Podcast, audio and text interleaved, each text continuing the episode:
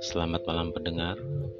Jumpa lagi bersama saya Robius Alfatir Dan saya akan sedikit membahas tentang uh, kegiatan saya Sehari-harinya untuk saat ini Di project-project ya Di project uh, interior terhitung dari uh, plafon atau partisi uh, duko seperti itu para pendengar.